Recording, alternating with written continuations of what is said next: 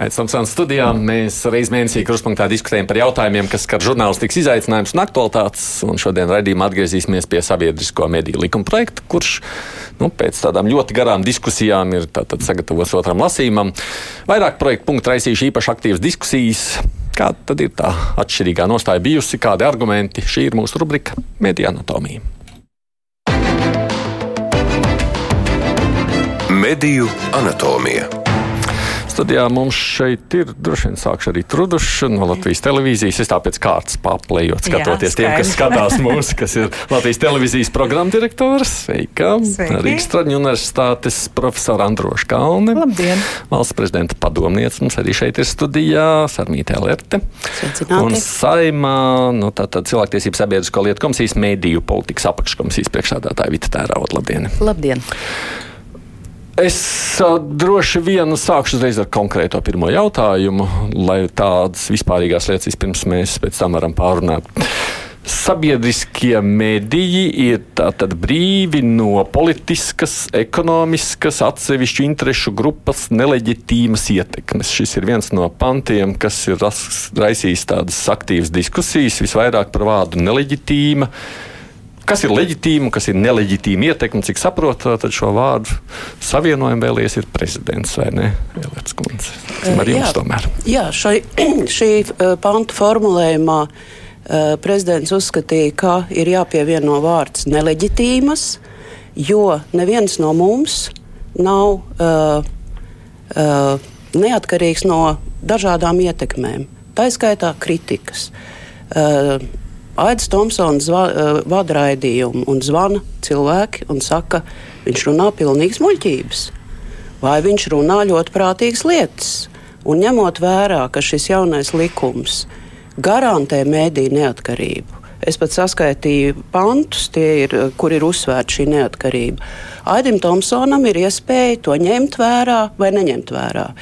Tātad būtība šim priekšlikumam ir uh, uzsvērt to, ka sabiedriskie mēdīji, gluži tāpat kā jebkura cita institūcija demokrātijā, prezidents, saima, politiķi, partijas un tā tālāk, un tā joprojām, un ik katrs no mums atrodas vienas kritiskas diskusijas vidē, jo tas ir vienīgais veids, kā mums kritizējot, nākot priekšlikumiem, apstrīdot vienam otru, ir iespēja virzīties priekšu, vienoties par labākiem priekšlikumiem. Leģitīma ietekme, domas zīme, vienādības zīme, kritika. Jā, jo Uh, ir svarīgi arī, ka šajā diskusijā, kas bija komisijā, uh, šis skaidrojums arī tika nofiksēts, un komisijas vadītājs ir apņēmies to stādīt priekšā arī saimai. Tātad, kā šis pants ir interpretējams?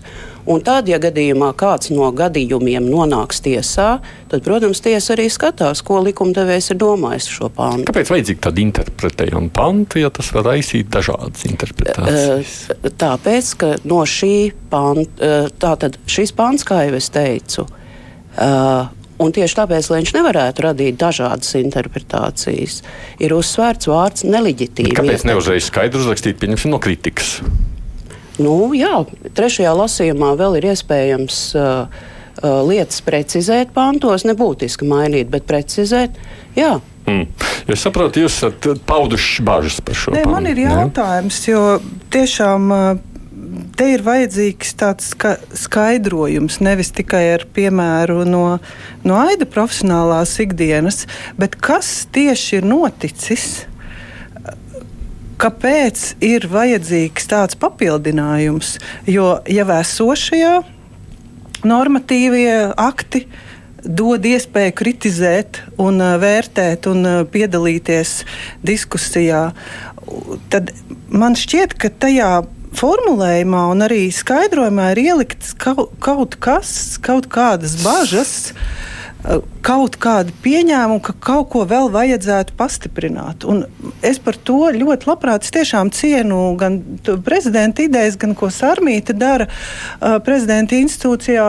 Es gribētu saprast, kas, kas, ir, tas, kas ir tie jaunie apstākļi. Tu, tu saki, ka prezidents, ja grib arī šobrīd var pateikt, kas viņam patīk vai nepatīk ne radio. Tikai prezidents, jebkurš var pateikt un ir pietiekoši pa, tiešām, tiešām demokrātiski un, un progresīvi uh, likumi Latvijā kuri attiecas arī uz medijiem. Tāpēc nav saprotams, kāpēc ir vajadzīgs tāds uzsvars. Un būtu vajadz, vajadzīgs labāks skaidrojums, jo faktiski tā, tas ir lieks, nu, liekvārdība, kas rada bažas, ka ir kaut kādi apstākļi, ka cilvēki mēģinās pierādīt, ka vajag ietekmēt medijus. Uh, Un tad, tā, un tad tā interpretācija var nebūt uh, draudzīga tam, kam ir veltīts likums, neatkarīgiem un kvalitatīviem sabiedriskiem medijiem. Jā, Rita. Uh, jā, es, uh, mums arī ir bažas tieši par to, ka tas paver iespējas interpretācijām par to, kas tad ir uh, leģitīma ietekme, jo, manuprāt, šeit tiek sajaukti divi jēdzieni. No vienas puses ir atbildīgums, Un mēs esam atbildīgi par to, ko mēs uh, ražojam, uh, kādu saturu. Mums ir jābūt, uh, mums ir jābūt caurspīdīgiem, mums ir jābūt atvērtiem kritikai, un šie te mehānismi, kas nodrošina gan atbildīgumu, gan caurspīdīgumu, ir iestrādāti gan likumdošanā, gan pašregulācijas mehānismos. Bet šis tiek jauts ar institucionālo neatkarību un redakcionālo neatkarību. Tās tomēr ir divas dažādas lietas. Un, institucionālajai eh, neatkarībai ir jābūt eh, tomēr pasargātai. Tārodas kundze, jūs dzirdat divus argumentus. Tagad sakiet jūsu domas vispirms. Eh, man liekas, komisijas diskusijā vairākas lietas bija skaidrs. Viens ir, kad visi saprot, ka kritika ir ir normāla daļa no procesa. Visi saprot. Visi to saprot. Jā. Kritika Jā. ir normāla daļa no procesa. Mēs visi esam viensprāts. Mēs varētu par šo konstatēt vienkārši, lai, lai nebūtu nekāda pārpratuma. Mm. Visi, visi esam vienisprātis, ka, ka tas ir ārkārtīgi svarīgi, ka ir kritika un ka ir jābūt dialogam ar sabiedrību, kurai mēs kalpojam kā sabiedriskie mēdī. Mm -hmm. Man liekas, otra lieta, kas ir pavisam skaidra, ir, kad visi saprot, ka ir veidi, kā var mēģināt ietekmēt mēdījus, kas nebūtu leģitīmi. To arī visi saprot. Mm -hmm. uh, Tagad, ko mēs darām starp šīm divām galējībām, un vai šis pāns, uh, ieliekot vārdu neleģitīms, vai tas palīdz mums skaidrot to ietekmi vai nepalīdz? Manuprāt, tas neradīs skaidrību ne komisijā, ne arī citur, un ka daudz skaidrāka situācija bija vienkārši ietekme. Jo kritika nav vienādā zīmes ar ietekmi. Mēs, eh, mums ir leģitīma kritika sabiedrībā, mums ir izteiksmes brīvība, mums likums nosaka visu to veidu, kā iedarbojās institucionāli, kas ir tas institucionālais rāms, kā padome eh, ko viņi var un nevar darīt attiecībās ar sabiedrisko pasūtījumu, cik tālu ir mēdīju pašu brīvības robeža pirms iestājās sabiedriskā pasūtījuma rāmis. Šīs lietas viss ir likumā noregulētas. Tā kā, nu, tur tā ietekme ir definēta, kas, ko, kam, kurā brīdī. Un arī kā atskaitās, kam, cik bieži, par ko, kurš vērtē. Mhm. Viss tas ir likuma rāmī iekšā. Man liekas, kad mēs radām neskaidrības, kas prasa tagad paskaidro, nu, paskaidrojums no tribīnas saimnes, kas prasa. Uh, konfliktus risinot, eh, atgriezties komisijas protokolos un audio ierakstos, meklējot nu, mm -hmm. to būtību. Bet Man liekas, skaidrāk. Klausītājiem un skatītājiem mm -hmm. saimas komisijas vairākums ir nobalsojuši, ka viņi atbalsta šo uh, formulējumu. Jā, tā ir saimas komisijas Bet, eh, vairākums. Iepriekš saimas komisijas vairākums jā, bija ir. atbalstījis citu versiju, pie tā mēs arī varētu. Valsts prezidents pārliecināja saimas komisijas jā, bet, vairākumu. Ir vēl viens aspekts šajā diskusijā Latvijā tas, ka uh, sabiedrisko, topošais sabiedrisko mēdīju likums nav vienīgais likums, kas regulē preses un masu mēdīju darbību mūsu valstī. Un eh, kāpēc tad uz sabiedriskajiem mēdījiem tiek lietota šāda norma, kas, eh, kas paver interpretācijas un, un ir specifiska, bet, teiksim, uz presi kopumā eh, tāda norma netiek attiecināta, jo līkumā par presi nav šādi jēdzieni kā neleģitīma ietekme. Tad, tad, tad kāpēc ir dažādi šie spēles šķiet, noteikumi, vai viņiem nav jābūt uh, vienādiem? Jā, man šķiet, ka uh, iespējams ir tā, ka uh, vienu neskaidrību bija mēģinājums labot, precizējot. Jūs sakat, ka ir radīta neskaidrība. Taču pants, kurš skan, sabiedriskie elektroniskie plašsaziņas līdzekļi ir brīvi no politiskas, ekonomikas, atsevišķu interešu grupu un citādas ietekmes uh, var tikt interpretēts tā, ka sabiedriskie mēdīji tiek izcelti no šīs absolūti nepieciešamās demokrātiskās diskusijas un kritikas. Un citādas? Un citādas ietekmes, jo, piemēram, atsevišķu interešu grupu ietekme neapšaubām ir dažādu NVO mēģinājumi panākt, lai sabiedriskais mēdījis vai nu viņus, es nezinu, atbalsta vai neatbalsta. Vēlreiz uzsveru. Mm, no. Vismaz septiņos gadījumos es saskaitīju, likumā ir garantēta sabiedriskā mēdīja neatkarība. Sabiedriskais mēdījis ir neatkarīgs. Viņš pats pieņem lēmumus, taču viņš nav izcelts ārpusē no šī kopīgā demokrātiskā diskursa. Eh, atsauce uz eh, pārējo eh, mediju telpu vai uz preses likumu, starp citu, nav gluži precīza, jo ir atšķirīgi formulējumi. Un iespējams, ka es varētu piedāvāt jaunu formulējumu šim pantam, kurš būtu tieši tāds pats kā preses likumā, un kurš izslēdz tādā gadījumā neskaidrību, kura bija ietverta sākotnēji un Un novērš jūsu bažas. Nu, Preses likums, uh, preses likums runā par iejaukšanos. Tā tad nevis ietekme, bet iejaukšanās, kas ir ļoti skaidra, manuprāt, uh, redzama robeža. Un tātad piedāvājums būtu, ka to varētu izteikt šādā veidā.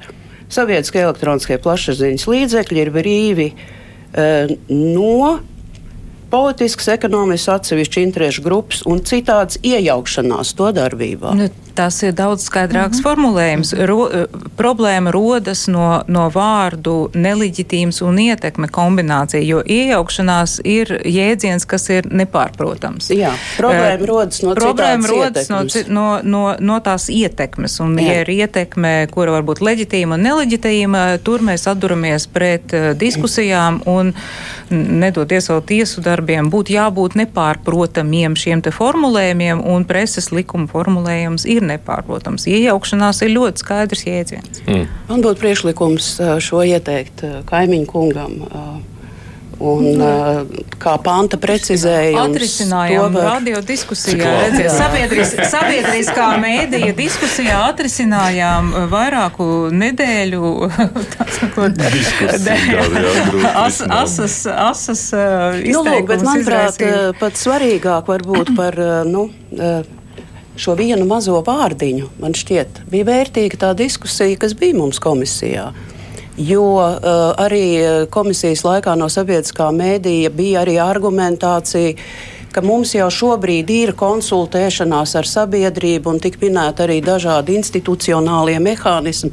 Runa nav par to, sabiedriskais mēdījis ir un viņam ir jāpastāv vienā kritiskā vidē, uh, kurā visu laiku viņa darbība tiek vērtēta viņš ir neatkarīgs, var ņemt to galvā vai neņemt galvā, bet bez šī bez šīs kritiskās izvērtēšanas neviens mēdījis nevar attīstīt. Protams, pret to jau arī neviens neiebilst. Brīnišķīgi, ka esam vienojušies. Es, par šo arī nekad nav bijusi domstarpība, ka ir jābūt uh, atvērtiem kritikai. Par šo mēs nekad neesam uh, pauduši dažādas viedokļas. No tāda tehniskā viedokļa to, tas ir darāms uz trešo lasījumu. Šāda veida precizējums noteikti darāms uz trešo lasījumu. Uh, es jau piefiksēju tekstu. Es domāju, Elīds Kunds palīdzēs līdz galam noformulēt. Okay. Uh, bet jā, uz trešo lasījumu mēs noteikti varam ierosināt, jo tas patiešām palīdz.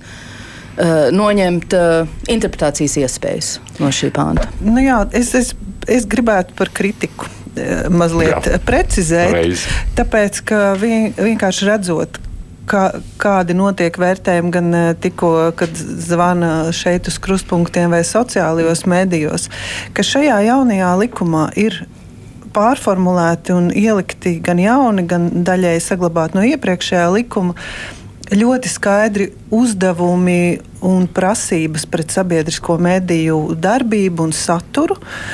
Ar to es gribu teikt, ka faktiski tā kritika Kritika nav kritizēšana, noliegums vai dusmošanās, ka šodien intervētais cilvēks nesaskan, viņa teiktais nesaskan ar manu skatu uz, uz tiem jautājumiem vai, vai kādu citu skatījumu.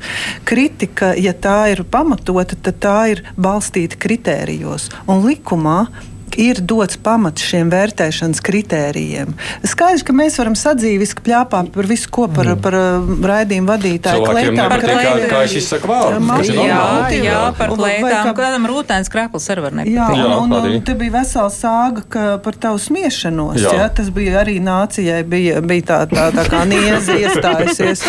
Bet tomēr, ja nopietni runā un ja, ja mēs gribam kopā piedalīties sarunā uh, un, un ka, ka sabiedrībai ir iespēja sarunāties ar sabiedriskiem mēdiem par to darbību, tad tā ir jābalsta skaidros kritērijos. Un to, pam, un to likums dod. Protams, mēs varam dažus arī par dažiem vēl padiskutēt, mm -hmm. bet eh, nu, jā, es gribētu, lai tā stāsts par kritiku būtu tomēr pamatots. Nu, proti, tu saki, ka to jau šajā likuma ietvaros viss ir tādā ziņā at, nu, nu, atrunāts. Turklāt ļoti daudz, 14 ļoti daudz. nosacījumi ir. Jā.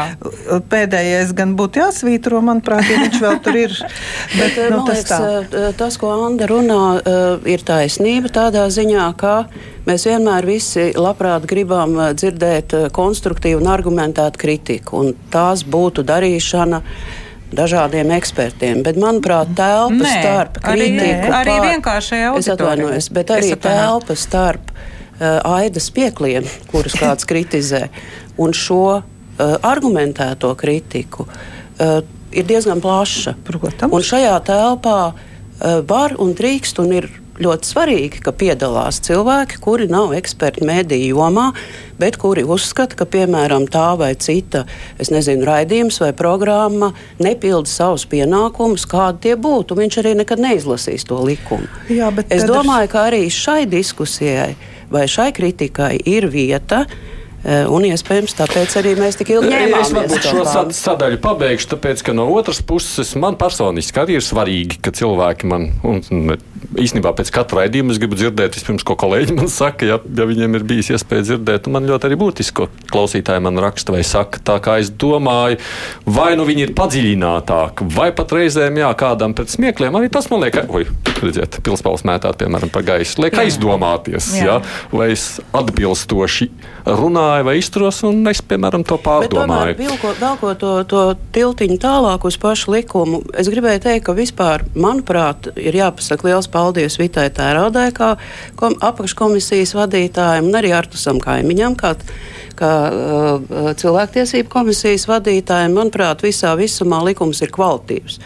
Un viens no punktiem, velkot tiltiņu, ir ļoti svarīgā institūcija, ko paredz šis likums, kas ir ombudu institūcija. Ombuds, ļoti, ļoti svarīgi. Jo, eh, Tātad kaut arī viņa uzdevums, protams, attiecas uz sabiedriskajiem mēdījiem, taču, eh, manuprāt, eh, ombuds uzstādīs zināmus kvalitātes kritērijus visai mēdīju videi, jo tas ir loģiski. Jo Pēc būtības sabiedriskais mēdījis ir tas, kuram ir jāuzstāda visā Latvijas mēdīņu telpā profesionālie un ētiskie standarti. Un visu laiku jācenšas darīt lietas vēl labāk. Un tas, ka ir ietverta šī ombudu institūcija, manuprāt, ir ļoti vērtīgs. Vai tur ir kaut kas, ko vērts pieminēt, ja sacīt, ka mums kaut kas nepatīk, vai es varu iet uz nākamo jautājumu? Uz ombudu, mēs nevaram teikt neko, ka mums neko, nepatīk. Ka... Es domāju, ka tas ir ļoti svarīgs nu, jā, uh, jaunievedums. Uh, man, nē, man kā, kā princips, ka vispār eksistē, ka ir šāda institūcija kā,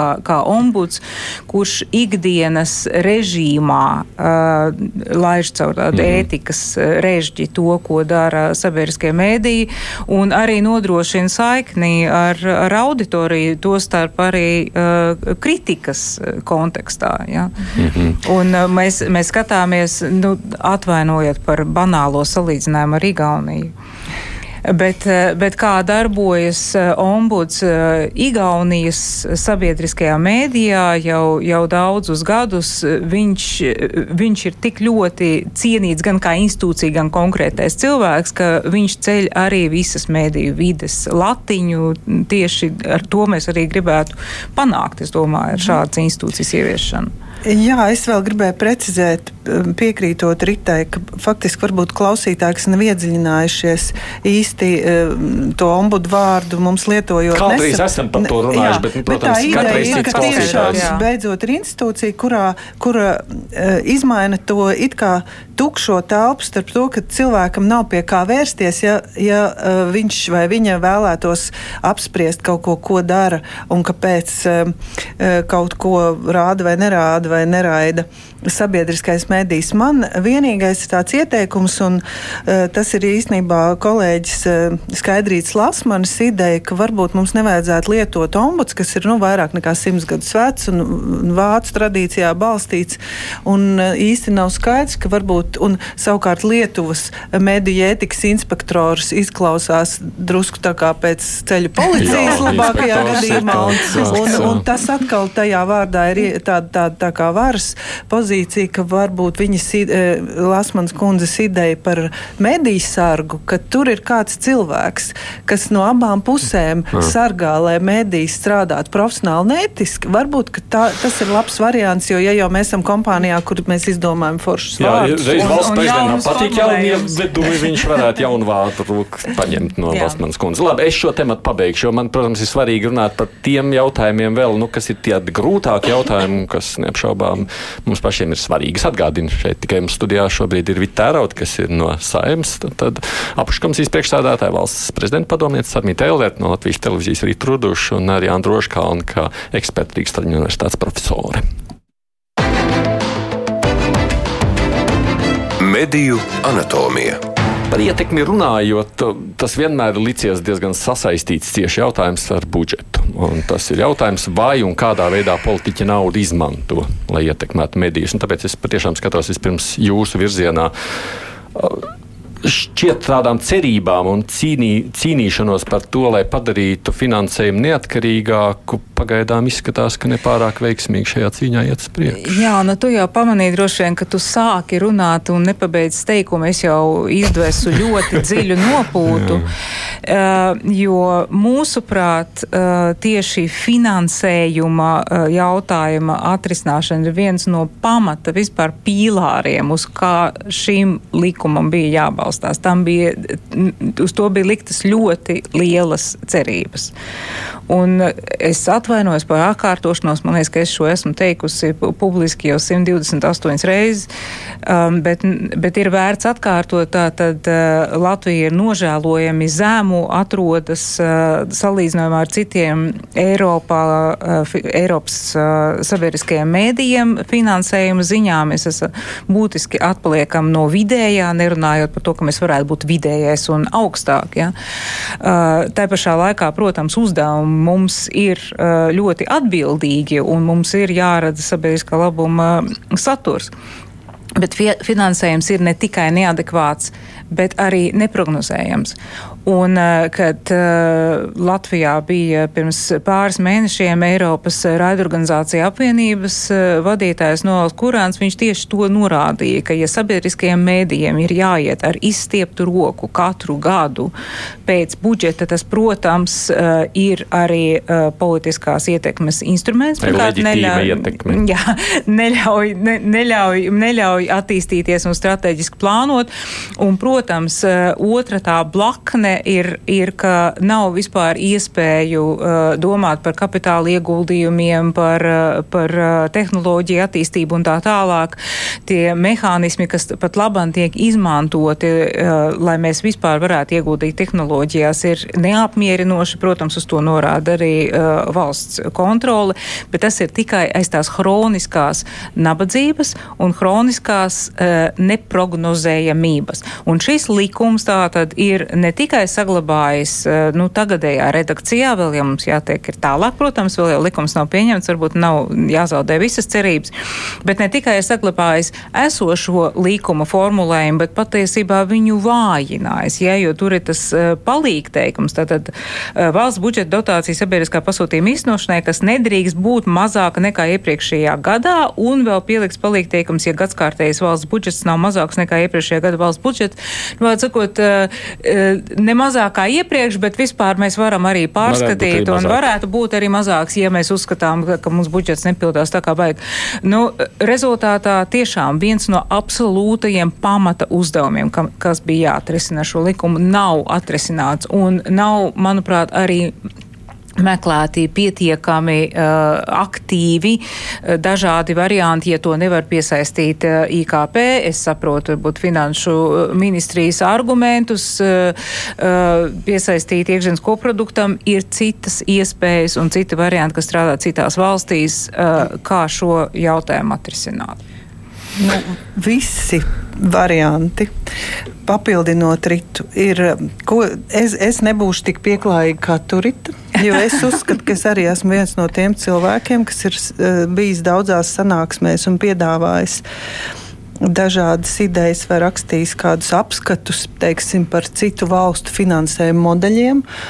Ir ļoti daudz cilvēku strādājuši, un šie modeļi ir izstrādāti un piedāvāti. Un acīm, un viņi darbojas citās valstīs. Un, protams, neviens nav ideāls modelis. Uh, katram ir kaut kāda trūkuma, bet ir bijusi attīstība un izaugsme.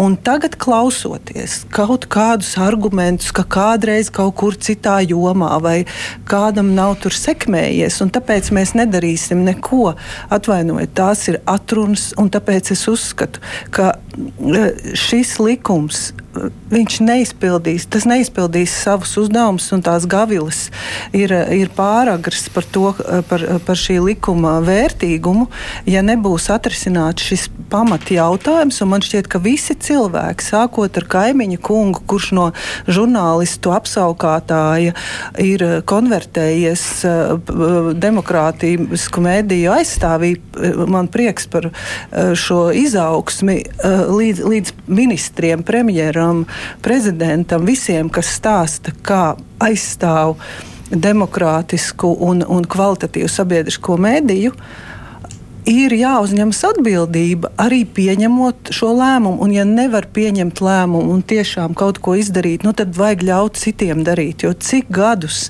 mēs par to runāsim, un tiešām man bail no tā, ka līdzīgi kā mediķiem, arī tas mediju uh, trūcības jautājums kļūst jau apnicīgs sabiedrībai, ka tiklīdz sāc runāt, nu, ir tā žēlabas, ka, ka nepietiek nauda. Bet tas tā ir. Un arī mediji, un ko es gribu uzsvērt, ka sabiedriskie mediji ar savām iniciatīvām, ar savu saturu, ar oriģināliem formātiem, ar to, ko ir izdarījuši gandrīz bez budžeta internetā, sasniedzot ceturto vietu starp ziņu mēdījiem, arī lasīšanas ziņā. To ir izdarījuši ar visu esošo Jā, situāciju, tāpēc arī nevajag pie, neko mainīt. Visu, nē, jo visu laiku teica, kļūstiet labāki. Mums kaut kas nepatīk, un tad mēs padomāsim, vai jums patīk. Tagad jau vairākus gadus tas nav, nav par to stāsts. Sabiedriskie mediji ir pierādījuši, ko viņi dara daudz labāk nekā komercmediji, un ko komercmediji nekad neizdarīs, kādas labums ir sabiedrībai, kādas tēmas ir, um, kādi procesi izmainīti. Un tāpēc ir jāpieņem lēmums, un skaidri jā, mums skaidri jāpasaka, tā ir vienkārši politiskās gribas vājums, politiskā negriba un nemitīga cilvēku darba, nu tāda iz, izķērnāšana. Mums ir tāds radošs piedāvājums. Ja, teiksim, novirzītu sabiedriskajiem mēdījiem tos ieņēmumus valsts budžetā, kuri ir radušies tāpēc, ka mēs savā saturā esam atklājuši krāpnieciskus darījumus, un tāpēc ir palielinājušies ieņēmumi no nodokļiem, lūdzu, mums tāds radošs piedāvājums būtu. Nu, šis, protams, ir tā uh, puspa jokam, uh, bet patiesībā patiešām ir, ir ļoti daudz runāts, ir zināmi, kādi ir uh, citi finansēšanas modeļi, tepat mūsu dienvidu kaimiņam, kur, kur ir piesaiste nodokļiem. Ja?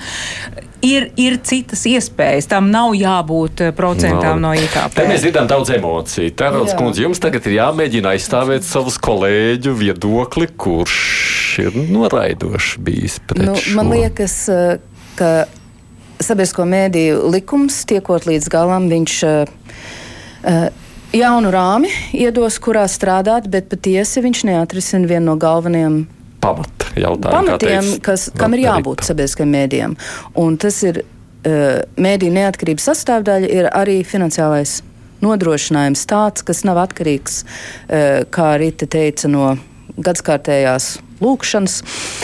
Uh, un es teiktu, pat vairāk nekā gadskārtējā lūkšana, tā ir atgriešanās pie ministra kabineta ik reizes, kad notiek jebkas neparedzēts finansiāli. Mm -hmm. Un tā ir uh, ļoti liela riska zona politiskai ietekmējumībai, un tā nedrīkst būt. Mēs, diemžēl, ar šo likuma projektu nesam varējuši panākt uh, politiķu vidū konsensus par to, kā finansēt sabiedriskos mēdījus, un tāpēc mēs esam palikuši pie esošās sistēmas. Uh, tā papildus klauzula, ko šeit pieminēja, uh, viņa ir radusies aiz bažām nenonākt tādā pašā situācijā, kā valdība nonākusi ar mediķu atalgojumu. Un šī situācija. Jūsuprāt, tas ir adekvāts arguments? Es uh, neesmu šīs pozīcijās pati, uh, un pagaidām nav izdevies ar citiem argumentiem pārliecināt kolēģis. Uh, tas nenozīmē, ka ir jābeidz darbs līdz šī likuma pieņemšanai. Gluži otrādi. Man liekas, ir jāturpina un Eh, jāspiež uz jaunu modeli, eh, ir skaidrs, ka esošais nedara. Ir skaidrs, ka IKP procenti netiks pieņemti politiskiem dēļ. Bet uh, tie nav vienīgie divi varianti pasaulē, kā finansēt sabiedriskos mēdījus. Mums ir jāturpina saruna par to, kā tas notiks nākotnē. Uh, viena lieta, par ko šķiet ir gatavība runāt, tas ir investīcija ieguldījuma plāns sabiedriskiem mēdījiem. Uh, tuvā nākotnē Eh, kas nosaktu eh, tieši nu, modernizāciju un jaunu infrastruktūru. Eh, bet tas prasa jaunai padomēji sākt darbu. Pirmais darbs, kas tiek ar likumu uzlikts jaunai padomēji, ir atgriezties saimā ar koncepciju par sabiedrisko mediju apvienošanu, kur būtu jāizliek varianti, jāizliek arī Eh, kāds varētu būt investīcija ieguldījuma plāns. Šī ir tā joma, uz kuras savukārt sabiedriskie mediji ir ļoti likuši cerības uz valsts prezidentu, jo mums ir šķits, ka šis ir pirmais valsts prezidents, kurš vispār ieklausās un saprot šo jomu. Mm, Valsts prezidents no... arī uh, pagājušā gada budžeta jau veidošanas nobeiguma stadijā, kā mēs atceramies, iet, uh, teica savu vārdu, un es domāju, tas palīdzēja Eh, dabūt nepietiekami, taču tomēr papildus finansējumu sabiedriskiem mēdījiem. Eh, šī ir prioritāte, eh, kuras uzturē, no kuras uzturēšanas viņš neatkāpsies. Kas attiecas uz likumu, tad es piekrītu Vitai. Protams, nevarēja šī likuma ietvaros atrisināt to finansējumu. Nevarēja. Nevarēja, jo tas iekrita tieši deputātu atskurpšanas periodā, kad viņi atskurba no tām so, tukšo solījumu paģirām. Eh, attiecībā uz mediķiem un tā tālāk, un paši jūs bijāt saskaitījuši, cik miljardus viņi ir sasolījuši ar šiem procentiem no, eh, no IKP.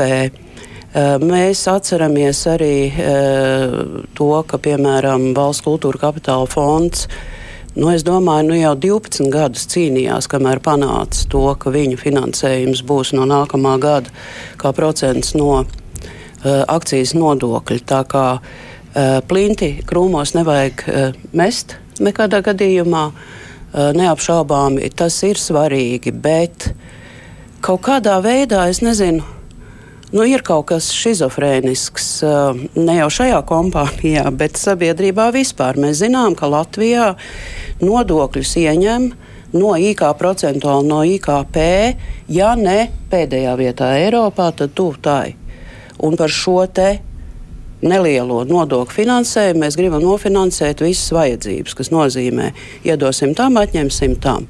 Nu, kaut kā būtu tā kā tādā lielākā grupā jāskatās tas, kā ir jāmaksā vairāk nodokļi. Pie tā ir valdība sākusi strādāt šajā gadā. Jācer, ka arī publiskajiem pakalpojumiem, no kuriem sabiedriskais mēdījis neapšaubām prioritārs, arī varētu būt kaut kāda lielāka naudiņa. Nu, mierinājums dabūja? Uh, Nemaz. Nē, nē, nedabūju. Es patiesībā bažīgi, bažīgi klausījos, ko Vitēro teica par, no vienas puses, jā, ir labi, ka ir kaut kādi aizmetņi, var būt iespējams ar kaut kādām atrunām politiskai gribai domāt par, par ieguldījumiem tehnoloģijās, bet tas viss ir kaut kādā nenoteiktā nākotnes formā. Un daži klātesošie bija arī cilvēktiesību komisijas sēdē, kuru, kuru vadīja Artus Kaimiņš, kur viņš lika uz galda, teiksim, kad būs jums jaunā māja, tad tajā jaunajā mājā attiecīgi varēs pilkt, likt tās iekšā tās jaunās tehnoloģijas. Bet es jums izstāstīšu, mums, piemēram, ir pro programma izlaides komplekss, kuram, kuram dažas detaļas vairs ražotāji neatbalsta. Un ja viņš nobrūk, Nu, nu, Nu, es, tad ir mans ekrāns. nevaru mēs nevaram gaidīt. datorā neko ne no YouTube, ne no Facebook, ne no kā man vienkārši video nelaiž, jo mums Jā. nav programmas. Nu, un, un vienkārši nopirkt. eh, runāt par to, par to ka, eh, ka kaut kad nākotnē izstrādās iespējams kaut kādu mehānismu tam, kā ieguldīt tehnoloģijās. Mums jau smeļās ūdens mutē, mēs jau nevaram gaidīt nekādas jaunās mājas, nekādas koncepcijas par apvienošanu. Mums turās viss ar līmlēni, es atvainojos. Mums tiešām tie, tie ieguldījumi tehnoloģijās ir vajadzīgi šodien. Faktiski viņi vai, bija vajadzīgi aizvakar. Man jau jā. klauns klausītājiem, kurš atsūta linku un saka, apskatieties šeit, un es nevaru apstīties, es nevaru Jā. atvērt mājās. Es Jā. mājās varu tikai nu, izdarīt nu, tas ir, tas ir patiesībā nožēlojami. To, to vajadzību ir, ir, ir garš saraksts un, un nav iespējams gaidīt. Nav iespējams gaidīt garas koncepcijas, uzbūvētas mājas, kuras pat, ja pieņem lēmumu, labākajā gadījumā pēc pieciem gadiem vispār kaut kas varētu notikt. Pa to laiku jau esošā, jau novecojusi tehnoloģija būs pilnīgi nelietojama. Ja es, es, Nu, labi, protams, tā mēs te varētu žēloties ilgi un dikti. Nē, nu, tā ķibeli nu, tāda, tā nav žēlošanās, tā ir objektīva nav realitāte, šobrīd. Tāpēc, ka Šī, es, es, um, es saprotu šo reakciju, jo patiešām tā ir objektīva realitāte. Abos mēdījos tā tehnolo- nespēja tikt līdz tehnoloģijām tieši finansējuma trūkuma dēļ. Uh, tā pašā laikā nevar. Ja nevar panākt naudu uzreiz, nevar arī apstāties. Un es cenšos neapstāties. Tā ir spiedienos mēģināt kaut ko mainīt. Uh, un šeit, man liekas, ir tas, uz ko Sarmīta reflektēja, kad uh, uz šo schizofrēniju vai domu dalīšanos sabiedrībā. Ka no vienas puses nodokļus jaunus maksāt negrib, no otras puses ir skaidrs, ka publiskiem pakalpojumiem naudas nepietiek. Uh, šeit, es domāju, ir arī liels darbs darāms, lai palīdzētu mums visiem sabiedrībā e, saprast, ka, ja mēs vēlamies tos pakalpojumus, un ja ir pakalpojumi, kas mums ir vitāli nepieciešami, un šeit es pieskaitu sabiedriskos mēdījus, kā mūsu informācijas telpas ankuru. Es viņus pieskaitu pie vitāli nepieciešamiem, e, tāpat kā mums ir nepieciešams 2% ieguldīt NATO vienalga ko citu mēs darām. Manuprāt, mums arī ir nepieciešama informatīvās telpas drošība. Tas pats drošības jautājums uh, ir ne tikai militārs, viņš ir arī informācijas telpā šodien. Uh, rast šo sapratni uh, kolēģos ir grūti. Bet man liekas, viens, kas ir jāspēj rast gan kolēģos, gan uh, sabiedrībā, ir, kad mēs esam ar, starp mazākajiem uh, nodokļu ieņēmumiem uz IKP visā Eiropā bet mēs, mūsu ambīcijas ir lielas. Uh, jau daudzas valdības pēc kārtas, valdības deklarācijās ir mērķis 33% IKP pārdalīts caur nodokļiem. Mēs uh, ne, nevis tuvojamies šim mērķim, mēs krītam atpakaļ. Un šis ir stāsts tagad par to, cik ambiciozs būs šīs valdības nodokļu reforma. labi, te ir tālāks priekš, neejot pabeidzot šo sarunu. Es vēl vienu aspektu gribu šīs dienas sarunā vēl tālāk minēt. Pabeidzot šo sarunu, nu nevajag atlaisties, vajag turpināt cīnīties. Jums ir kaut kāda vīzija, kas tālāk notiksies. Nu, likumu pieņems. Nezinu, vai kāds gribēs uzreiz kaut ko domāt, hm, vai mēs varam atkal vaļā. Nu, taču tā nē, vai ne? Nu, kas kaut ko darīs tālāk? Es turpināšu publisko diskusiju par sabiedrisko mediju finansēšanas modeli. Jo tas, kas uh, ir, teiksim, atstāt vienkārši to, kas ir, un Jums ir kāda vīzija, ko jūs teikt, neizdevās, un piedāvāsiet, viss. nāksiet ar kādu konkrētu risinājumu, vienalga kāds no jums esošiem valsts Nu, mēs, prezidents. esam, Saeima. mēs esam iesnieguši arī vēstuli komisijai, uh, piedāvājot, ka SEPL jaunajai padomēji būtu steidzami jāizstrādā Padomei, uh, jā, fina, tāds, jā. uh, pārējais, jā, jāizstrādā finansējuma modelis. Ja, mm -hmm. nu, tas Labi, ir, tam būtu jādara ļoti, tas būtu jādara ļoti ātri. Bet tam es arī piekrītu. Uh, tas uh, jaunā padome, kad viņa būs mums konstruēta, mm. būs, es ceru, dzinējspēks visām šīm lietām, kas ir vajadzīgas sabiedriskiem mēdījiem. Uh, gaidot, kamēr mums būs jaunā padoma, ja tas pēc likuma vēl caur konkursiem jānonāk līdz padomus locekļiem, lai padomu varētu sākt strādāt. Es domāju, negaidot padomi, man liekas, ir vērts apskatīties, ko mūsu tuvākie kaimiņi pēdējos piecos gados ir darījuši, mainot savus finansējuma modeļus visā Ziemeļvalstīs pēdējos piecos gados. Apskatīties, kā viņiem funkcionē šī pārēja uz nodevām, dažādu formu, dažādu mehānismu. Man liekas, to ir jēgas izpētīt tuvāk, lai varētu efektīvi argumentēt par to kā vienu variantu, mm -hmm. kas nav ne IKP procents, kas nav ne šis, šī atkarība no gadskārtējā budžeta procesa. Prezidenta nostāja. Nē, man liekas, ka te jau viss tika pateikts gan par to, cik tas ir svarīgi, gan kā kustēties uz priekšu. Protams, ir jārada viens institucionāls formāts, kur par šo lietu runāt, un tā pareizā vieta, man liekas, ir komisija. Jo nu, tas tomēr kaut kādā veidā dzen to jautājumu priekš. Bet uh, nu, nevar arī gaidīt, ka no skaļiem paziņojumiem tie deputāti, kuram prioritāte būs medmāsas algas, vai tam, kuram prioritāte būs pensijas, ka viņš šai mirklī noticēs, ka tā nauda tomēr ir jādod sabiedriskiem mēdījiem. Nu, tā argumentācija pacietīgi viņu pilnveidojot un atrodot arī, kas tika šeit pieminēts, man liekas, jaunā padome. Uh, iespējams, ka sabiedriskajiem mēdījiem arī nu, ir trūkusi tā efektīvā pārstāvniecība. Iespējams, arī tā, ko šī padoma varētu labāk risināt.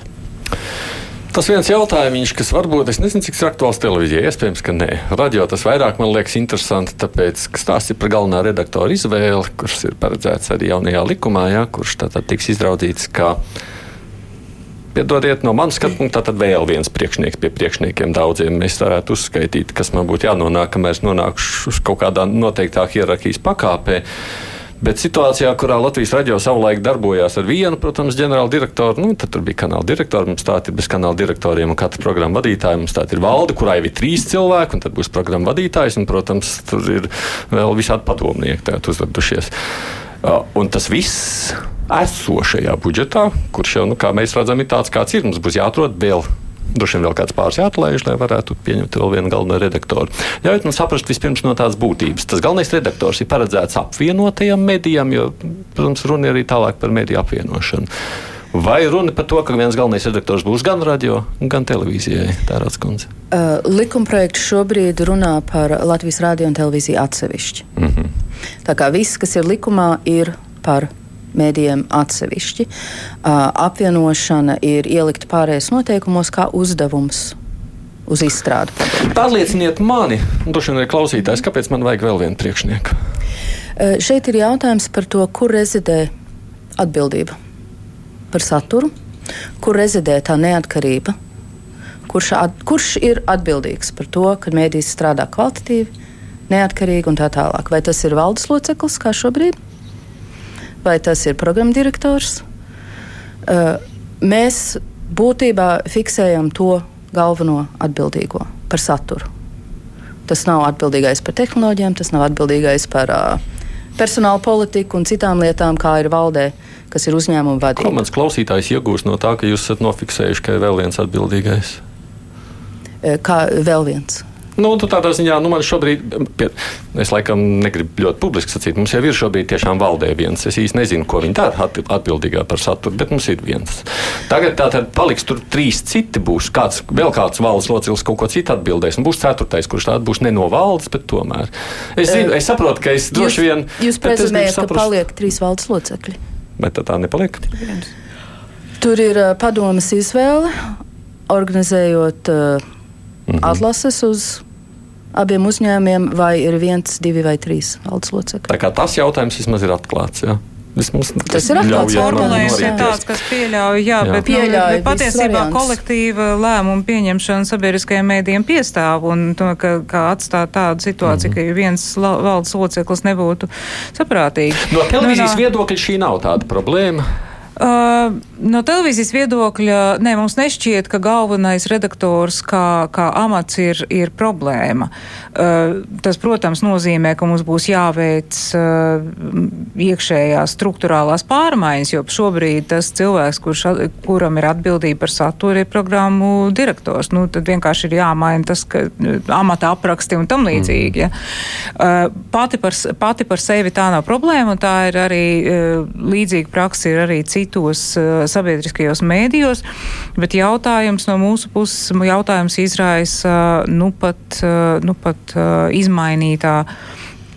Uh, izmainītais formulējums pantam par šī galvenā redaktora iecelšanu, uh, jo uh, sākotnējā versijā apstiprina valde galveno redaktoru un galvenais redaktors, bet, protams, viņš ir redakcionāli neatkarīgs. Arī šobrīd valdes nevar ietekmēt patiešo saturu, un tam tā arī nevajadzētu būt, ka viņas to dara.